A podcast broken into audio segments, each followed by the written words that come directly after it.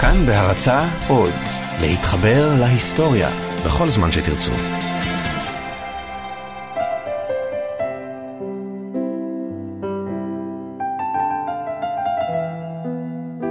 אמא של רותי הביאה מתנה. שמחה וששון, לכל ילד בלון. לרותי, בלון כחול, לרון, בלון צהוב, לסיגלית, בלון סגול, לאורי, בלון ירוק, לאלון, בלון אדום. כל הילדים וכל הבלונים יצאו לטיול.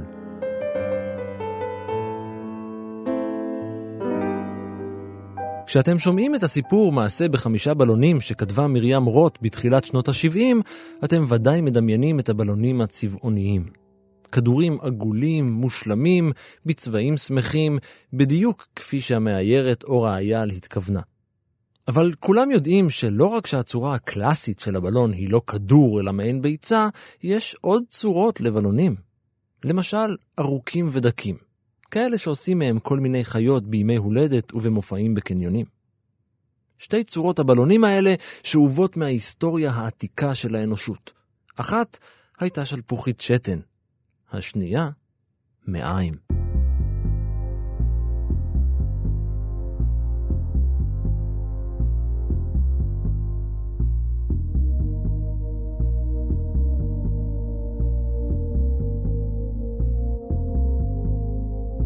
היי, אני ערן מנהר ואתם על מנהר הזמן.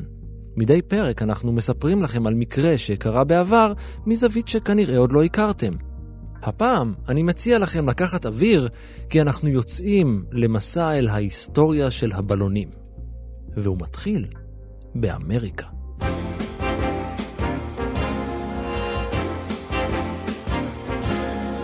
Would you like to ride in my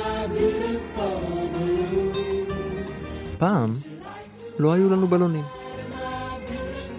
פשוט ככה.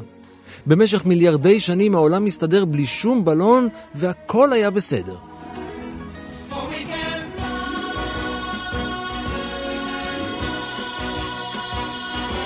עד לפני 500 שנה בערך. אז נולדו הבלונים, ומיד הפכו לצורך קיומי.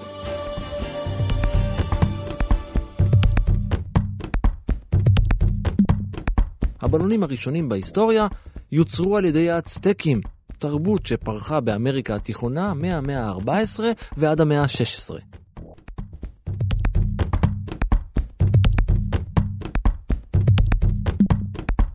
וזו לא סתם הייתה תרבות, זו הייתה אימפריה. עוד במאה ה-15 הם היו הראשונים שהשתמשו בדבר הזה שנקרא בלונים? זהו אור אלון, אדון בלון, מפיץ שמחה ואומן בלונים. חוקרים ומביני עניין משערים שהם השתמשו בזה אה, לצורך טקס אה, דתי.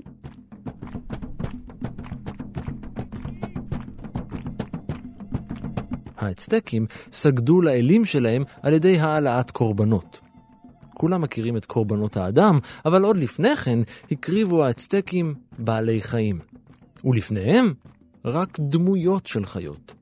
דמויות עשויות מבלונים.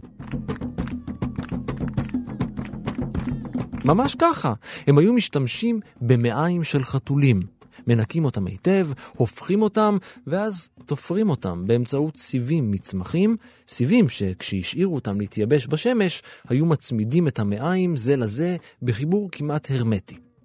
אז היו מנפחים את המעיים ומסובבים אותם קצת, מנפחים עוד קצת, שוב מסובבים ועוד קצת, והייתה יוצאת דמות של חיה. כמו אומן בלונים מודרני. ומה היו עושים עם הבלון הזה? היו מעלים אותו לאלים על ראש הפירמידה, שורפים ומקריבים אותו לאל השמש. כמה פשוט. הם בעצם העלו מנחה את היצירות שלהם, במקום להעלות את החיות המתות, הם העלו את המעיים המעוצבים בצורת בלון, אה, וככה הם הקריבו את היצירה הזאת לאלים, וזה היה המנחה שלהם.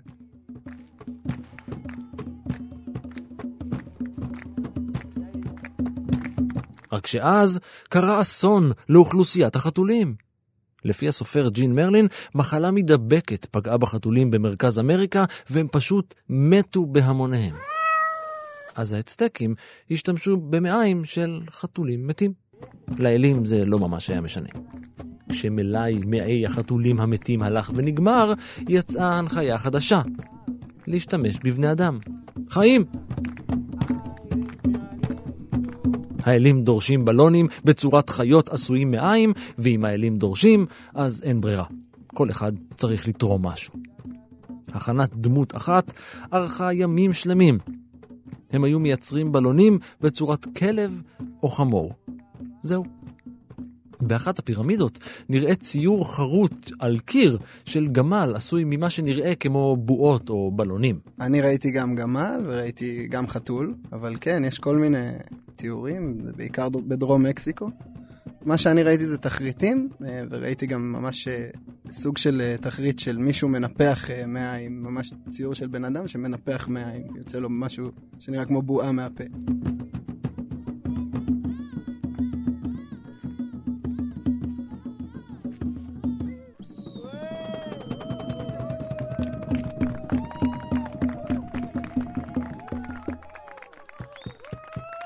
הכל השתנה כשהשכנים שלהם גילו את הגומי. בגדול זה על צמח שנקרא הווה הברזילאית, שהוא גם תפס את הכינוי עץ הגומי. אה, אבל זה היה הצמח העיקרי שממנו הם הוציאו את זה, אחרי שהם חיפשו כל מיני דרך, אה, כל מיני סוגים של צמחים, הם הגיעו לעץ הגומי. בני תרבות המאיה למשל, של מרכז אמריקה, היו שחקני כדור מיומנים. הם שלטו במשחק מסירות על כדור שהיה כולו עשוי מגוש גומי אחד במשקל של ארבעה קילו. תל צ'אטלי, ככה קוראים למשחק. הם התמסרו לזה. איך אומרים גומי באנגלית? אומרים rubber, אה, שזה בעצם אה, שפשוף גם. אה, מי שגילה את זה בשנית היה ג'וסף פריסלי, שהוא פשוט גילה שהגומי יכול למחוק את העיפרון. והוא יכול למחוק את העיפרון על ידי שפשופו על הדף. וככה בעצם הגומי הפך להיות rubber. בעצם זה נובע מפצעים של צמחים. פצעו צמחים אה, בשביל להוציא מהם אה, גומי, כל מיני צמחים, מרדוף, אה, חלבלוב, כל מיני סוגים של צמחים. וזה ממש סוג של, סוג של הדם של העץ שהוא מוציא. וזה החומר קרישה שבעצם מונע ממנו, מונע מחיות להיכנס חזרה לעץ ולאכול אותו מבפנים, אחרי שפוצעים אותו. אז הם לקחו את החומר הזה והפכו את זה למשהו יותר אלסטי, שאפשר ממש לנפח אותו. וככה הם אה, יצרו את זה. זה היה אגב אה, תרבות האולמק, שהיו שבט אה, מקביל באמת לאצטקים. והם הפיקו את זה עם החתכים האלה, דרך גרזן שהם ממש קילפו בעץ. עם הסתלקותם של האצטקים וכיבושם של בני המאיה על ידי האירופים, נעלמו הבלונים עשויי הגומי מעל פני הפלנטה. ושוב, עד המאה ה-19 היו מכינים ברחבי העולם בלונים ממעיים ומשלפוחיות שתן של בעלי חיים.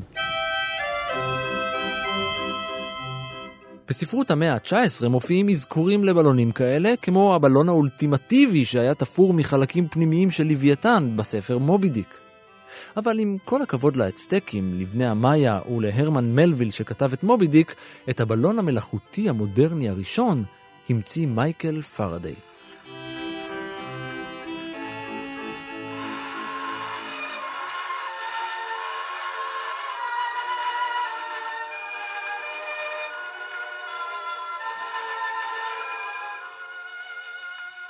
משפחת פרדיי הענייה גרה באחד מפרבריה של סורי, כיום לונדון.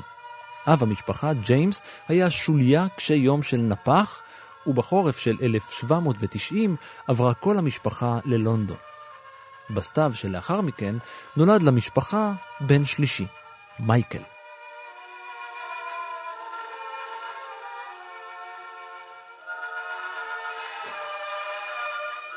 משפחה ענייה, אמרנו? מייקל הצעיר קיבל רק את ההשכלה הבסיסית ביותר, ולכן הוא נאלץ להפוך לאוטודידקט וללמד את עצמו. זו משימה לא פשוטה עבור ילד. בנוסף, הוא היה צריך לעבוד. אז הוא שילב את שתי המשימות, לימודים ועבודה, ובגיל 14 יצא להתמחות אצל כורך ומוכר ספרים מקומי. הוא עבד שם שבע שנים תמימות, במהלכן הוא קרא אין ספור ספרים בנושאים שונים. הוא למד על מדע, חשמל, כימיה, ואחרי שהוא קרא באחד הספרים, הוא החל ליישם בעצמו גם תרגילים ואוטוסוגסטיה לשיפור פעילות המוח. נראה שזה עזר, כי כשהוא היה בן 20, בשנה האחרונה לעבודתו בחנות הספרים, הוא הוזמן להרצאה של שני מוחות גדולים אחרים בזמנו. הכימאי המפרי דייווי והמדען והפילוסוף ג'ון טייטם. זה, זה היה תחום אה, מאוד אה, שונה. ההרצאה של דייווי פגעה בול. הנושא הזה דיבר אליו, והרצאותיו של המפרי דייווי על קימיה הפכו לשגרה עבורו. הוא היה מגיע, סופג את המידע והמדע, ורושם לעצמו הערות ורשימות על פתקים. אחרי כמה וכמה הרצאות, שלח לדייווי ספר מיוחד. 300 עמודים שנכתבו על בסיס הפתקים שכתב בהרצאות. דייווי היה מבסוט. הוא שלח לפרדי הצעיר תגובה חמה ומיידית. לא הרבה זמן אחר כך, כמה חודשים, ודייווי נפגע בתאונה במעבדה. הוא התעסק עם טריכלורמין, נוזל שומני צהוב מסריח ונפיץ. כתוצאה מהתאונה נפגעה הראייה שלו, ודייווי החליט להעסיק את המעריץ מספר אחת שלו, מייקל פרדיי. די מהר הפקיד דייווי את מלאכת הכנת הטריכלורמין בידיו של פרדיי, ובאחת הפעמים שניהם נפצעו בפיצוץ של החומר. במסגרת העבודה עם דייווי, פרדיי עסק בחקר של כלור. הוא גילה שתי תרכובות חדשות של פחמן וכלור, וערך את הניסויים הראשונים בדיפוזיה, פעפוע של גזים. הוא הצליח להפוך כמה גזים למצב נוזלי, הוא חקר סגסוגות של מתכות, הוא המציא כמה סוגים של זכוכית, והוא גם גילה כמה מהחומרים הכימיים הנפוצים, כמו בנזן. אבל הוא, אה, מייקל פרד היה ממציא גדול, הוא המציא הרבה דברים אה, בעולם. הוא לא היה רק כימאי, הוא גם היה פיזיקאי, והוא המציא גם את הדינמו, שזה המנוע החשמלי הראשון. הוא ממש אה, עשה הרבה דברים, הרבה מהפכות. והוא היה זה שגילה לראשונה את התהליך המוכר לנו כאלקטרוליזה.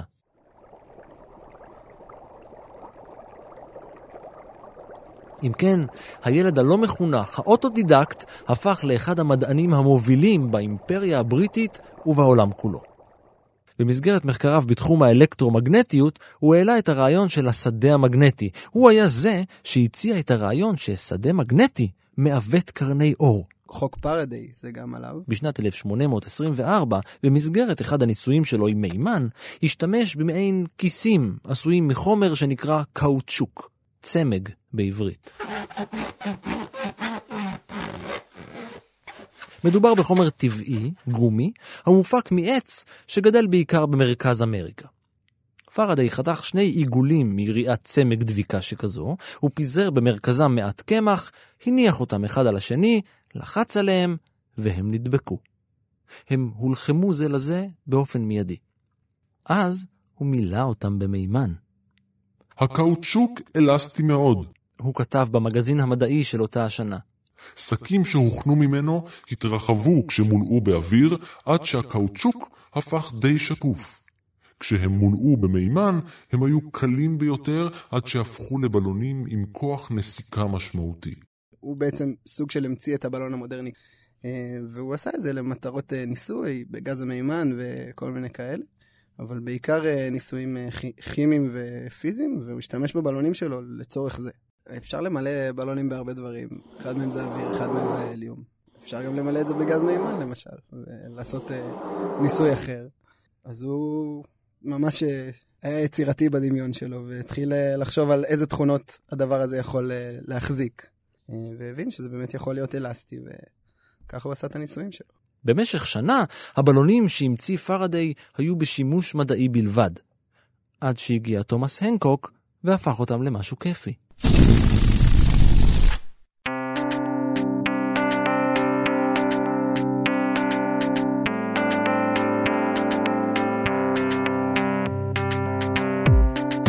נולד ב-1786 ליצרן ארונות. כשבגר הצטרף אל אחיו, וב-1815 הם הקימו יחד עסק לייצור מרכבים למכוניות. באותן השנים מכוניות היו כלי רכב ללא גג, והנוסעים היו נאלצים להתמודד עם איתני הטבע באשר הם. שמש, שמשייה. גשם, מטריה. בינינו זה אותו פתרון. חוץ מזה, הגשם היה מרטיב את הבד ממנו עשוי ריפוד המושבים. הנקוק היה נחוש לפתור את העניין. אף אחד לא חשב על גג. במקום זה, הנקוק חשב על בד דוחה מים, נניח מגומי.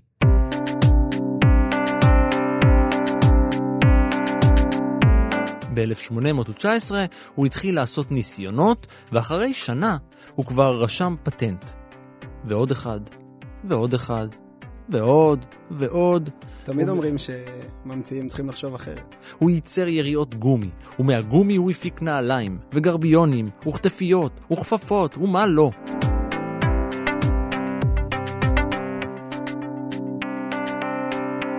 ואז הוא גילה שהוא מבזבז בתהליך הייצור המון גומי. אז הוא המציא עוד המצאה, מכונה שקוצצת את כל הגומי העודף ומפיקה ממנו עוד גומי.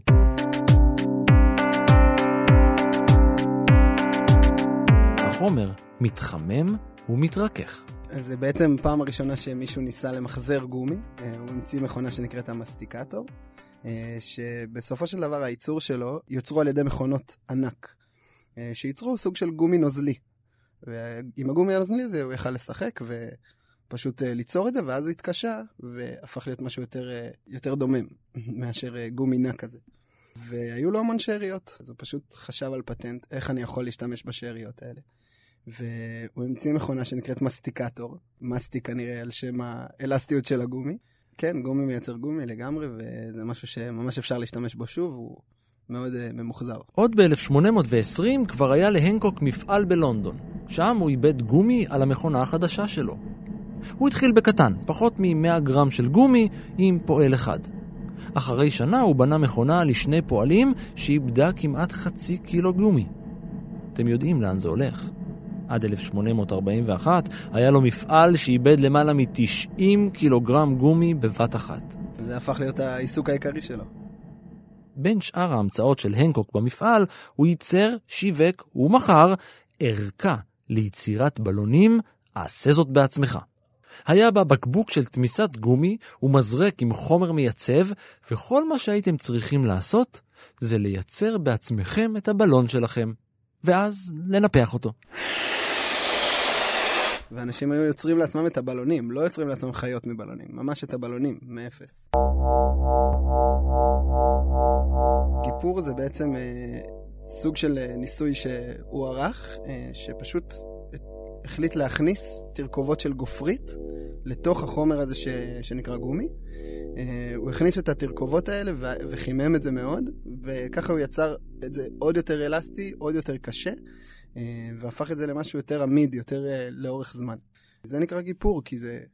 הוא הכניס לשם גופרית, אז זה מלשון גופרית. בסוף 1843, הנקוק רשם בבריטניה פטנט נוסף על שמו, הפעם על תהליך הגיפור שהמציא חבר שלו, בו הוא השתמש בגופרית. הכימאי והמהנדס התעשייתי צ'ארלס גודיר רשם את הפטנט שלו על גיפור חודשיים לאחר מכן בארצות הברית. יש הרבה ויכוחים, אה, גם אומרים שאנקוק עצמו אומר שהפטנט הוא שלו ושל, ושהוא השראה מחבר שלו, גם uh, החבר שלו אומר שזה שלו, שהוא המציא את זה בנפרד. וויליאם ברקנדון, שהוא התחיל את כל הניסויים עם הגופרית. גודיר יצא לאירופה ושמע על הפטנט של הנקוק. הנקוק מצידו טען שניסה לעבוד עם גופרית שנים קודם לכן. אז ביחד הם אומרים שהוא גנב להם את הפטנט. הבלונים החדשים של הנקוק היו בלונים שעברו גיפור. בניגוד לבלונים שנוצרו לפניהם, הבלונים האלה לא הושפעו משינויים בטמפרטורה. אבל הבלונים האלה לא היו בלונים לציבור הרחב. מי שייצר ומכר אותם היה ג'יי ג'י אינגרם ב-1847.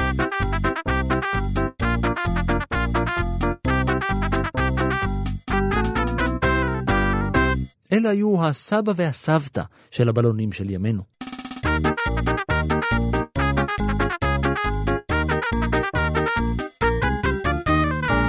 הוא בעצם היה יצרן הבלונים הראשון.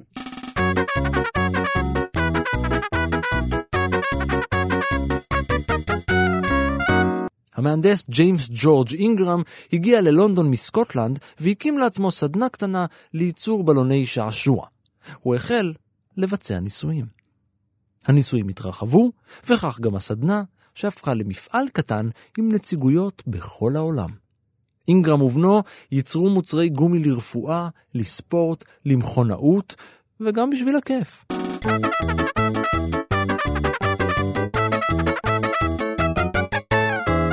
כך למשל, הם ייצרו בקבוקי גומי למים חמים. בטוח יש לכם אחד כזה בבית. הם ייצרו גם פטמות שתייה מבקבוקים, חוקנים וגם בלונים.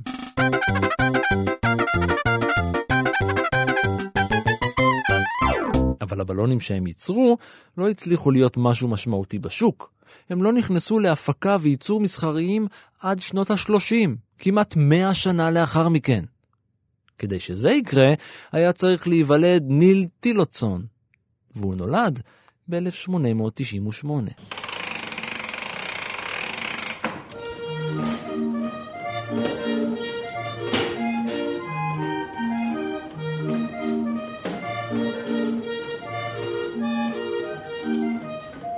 בשנות ה-20 לחייו עבד בחברת הוד ראבר כחוקר. אבל בסוף העשור נפלה הבורסה האמריקאית וחברת הוד ראבר נאלצה להצטמצם. השפל הגדול התחיל וטילוצון איבד את עבודתו.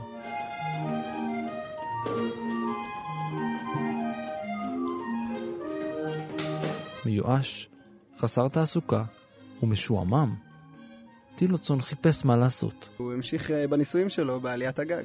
הוא המשיך אה, לחשוב על המצאות וחידושים עם גומי אה, בעליית גג שלו. כיוון שכבר התעסק במחקר עבור חברת גומי, הוא השתעשע ברעיון להפיק לייטקס בצורות שונות מהמקובל. לטקס הוא בעצם תחליב שגם מקורו בצמח, זה בעצם עשוי משרף, משרף עץ אלון בדרך כלל, והוא משמש היום להכנת גומי. פשוט לטקס הוא לא עובר את התהליך הזה, הוא לא עובר את הגיפור, כי הוא לא צריך, הוא לא צריך לעבור את הגיפור, הוא מאוד עמיד, מאוד חזק, ואין צורך להכניס אליו גופרית. ככה הוא נשאר גם טבעי, גם עמיד. הוא ניסה לייצר גומי שהוא יותר חזק, יותר עמיד, משהו שיותר אפשר לשחק איתו וכאלה. ויש כמה יתרונות וכמה חסרונות ללטקס, כמו כל דבר, אבל בגדול זה חומר מתכלה, כי הוא עשוי משרף עץ אלון, והוא לא עבר את התהליך הכימי. נכון. אבל uh, יש גם כמה חסרונות. קודם כל הוא יותר יקר, כי לייצר אותו uh, עולה יותר. להוציא אותו מהעץ זה יותר יקר מהתהליך שעושים לגומי. להוציא אותו מהעץ זה היה מאוד יקר. Uh, היו צריכים חומרים מאוד מסוימים שלא יפגעו ויפגמו בשרף. Uh, וגם יש הרבה אנשים שאלרגיים. 15% מהאוכלוסייה אלרגיים ללטקס. Did anybody call here asking for Vandalay Industries? No, what happened to you? So well, now, when the phone rings, you have to answer Vandalay Industries. I'm Vandalay Industries? Right. And what is that? You're in latex. Latex? Right. And what do I do with latex? I don't know. You manufacture it. Right here in this little apartment? And what do I say about you? You're considering hiring me for your latex salesman. I'm going to hire you as my latex salesman? Right. I don't think so. טילוצון עלה על שיטה לייצר בלוני לייטקס בצורה יעילה ומשתלמת יותר. בום. בעצם לא בום. טילוצון עלה פה על משהו אדיר. בשנת 31 הוא הקים חברה חדשה, טילוצון רבר קומפני, והוא התחיל לייצר בלונים. המוצר הראשון שלו היה בלונים עם פרצוף מצויר ביד ואוזניים של חתול עשויים קרטון שטילוצון גזר במספריים והצמיד לכל בלון. וזה היה להיט. באותה השנה קיבלה החברה הזמנה לספק בלונים ליום הפטריוטים האמריקאים. שנתיים אחר כך כבר ייצר טילוצון את הבלונים הצבעוניים הראשונים בעולם עבור היריד העולמי בשיקגו. למרות השפל הכלכלי, החברה החדשה שהוקמה הכניסה בשנה הראשונה שלה 85 אלף דולר.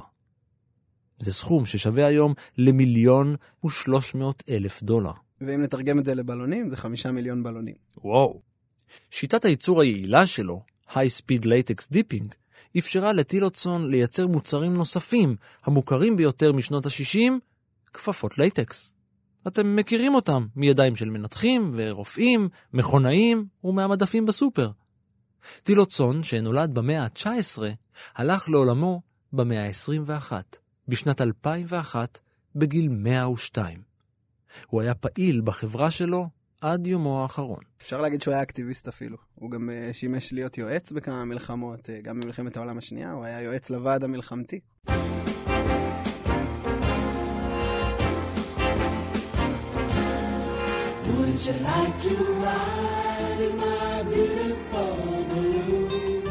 בלונים הומצאו בראש ובראשונה בעיקר לשימושים מדעיים. לשימושים רפואיים, לשימושים צבאיים. לא עבר הרבה זמן, ואנשים התחילו להשתמש בהם גם סתם בשביל הכיף.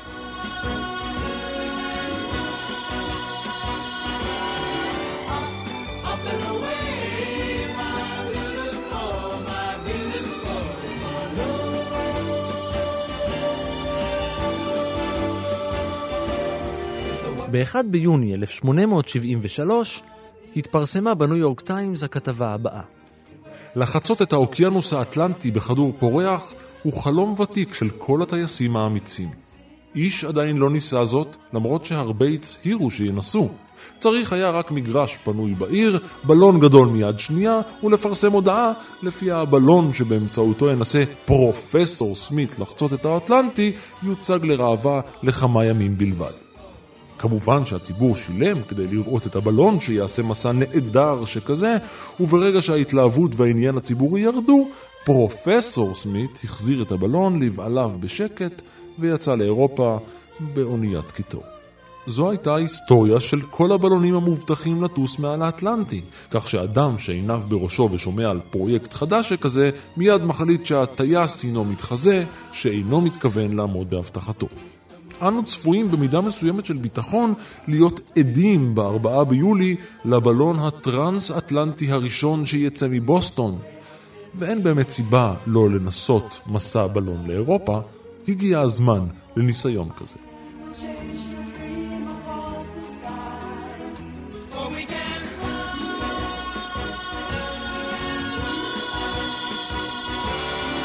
למרות שהאוקיינוס האטלנטי נחצה על ידי ספינות אוויר, צפלינים, בשנות ה-20, הטיסה הראשונה מעבר לאטלנטי בכדור פורח, בלון, נערכה רק ב-1978.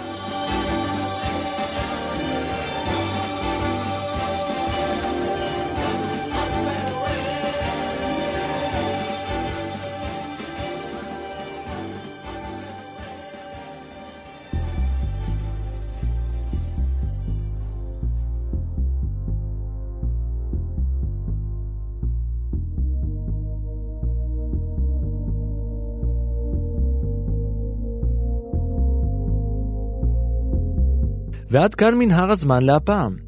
תודה לאור אלון, תודה גם לאור מנהר שנשף ונשף והיה על ההפקה, ולניר גורלי שליטף חתול והיה על העריכה. תודה גם לדנה בר קגן על בדיקת העובדות. אם לא עשיתם את זה עד עכשיו, גם אתם מוזמנים להצטרף ולהוריד את האפליקציה כאן אודי ולהאזין למנהר הזמן גם שם. יש שם עוד מלא תכנים אדירים, תוכניות בשידור חי, מוזיקה ומה לא. אתם יכולים להאזין למנהר הזמן גם ברשת כאן תרבות מדי שבוע, כרגיל. אם בא לכם, גם אתם יכולים לעקוב אחריי ברשתות החברתיות, בפייסבוק ובטוויטר, להגיב, להעיר, להציע רעיונות ובעיקר, להתחבר. אני ערן מנהר, נשוב וניפגש בפרק הבא.